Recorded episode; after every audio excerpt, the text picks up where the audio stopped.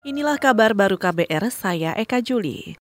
Komisi Pemilihan Umum atau KPU mengatakan hingga kini polisi di Raja Malaysia belum mengembalikan surat suara yang diduga telah tercoblos di sana.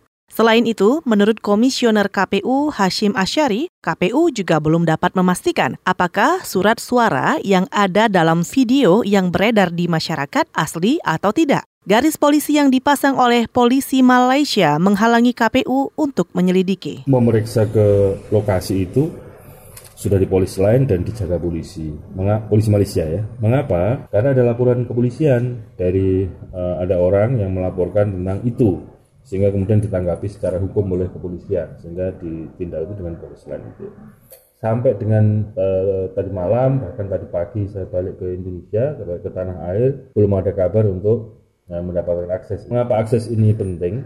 Karena bagi KPU memastikan itu surat suara uh, produksi KPU atau bukan. Itu tadi Komisioner KPU Hashim Asyari. Saudara, KPU sudah berkoordinasi dengan kepolisian Malaysia yang menangani kasus ini.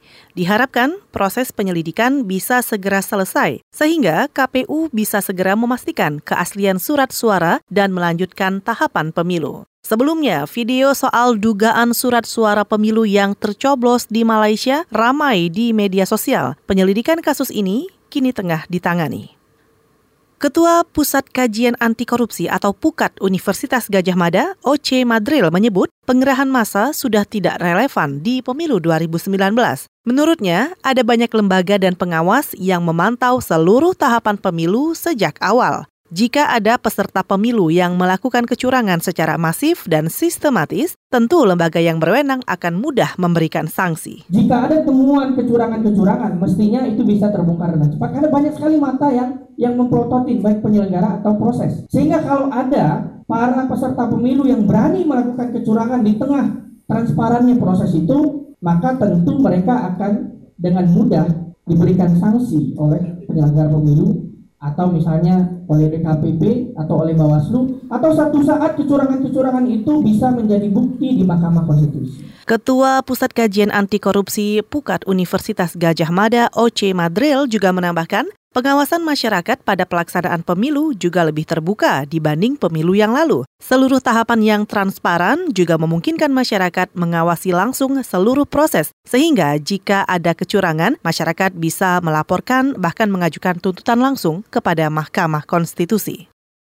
Kabupaten Aceh Utara masih kekurangan sekitar 1.900-an surat suara jelang H-1 pemilu serentak 2019. Ketua Komisi Independen Pemilihan Aceh Utara, Zulfikar, mengatakan pihaknya sudah melaporkan kekurangan kertas suara tersebut ke KPU RI untuk segera ditindaklanjuti. Namun, belum ada kejelasan kapan surat suara akan dikirim.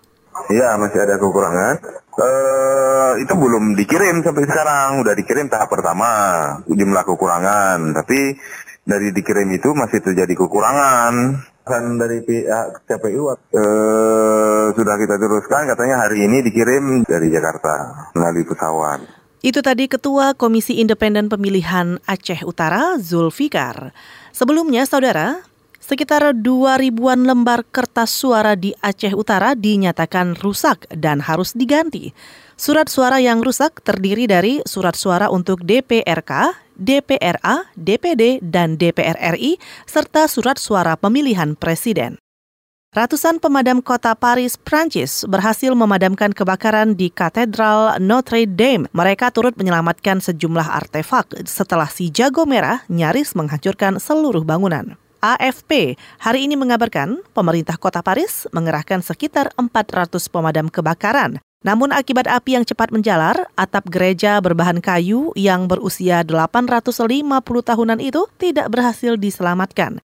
Sejumlah patung yang berada di dekat atap juga runtuh. Dinas Pemadam Kebakaran Prancis mengerahkan 18 unit truk pemadam dengan penyemprot tekanan tinggi. Presiden Prancis Emmanuel Macron mengatakan bakal membangun kembali bangunan bersejarah yang masuk dalam daftar situs warisan dunia UNESCO itu. Kebakaran ini terjadi menjelang perayaan Paskah yang jatuh pada 21 April mendatang. Demikian kabar baru, saya Eka Juli.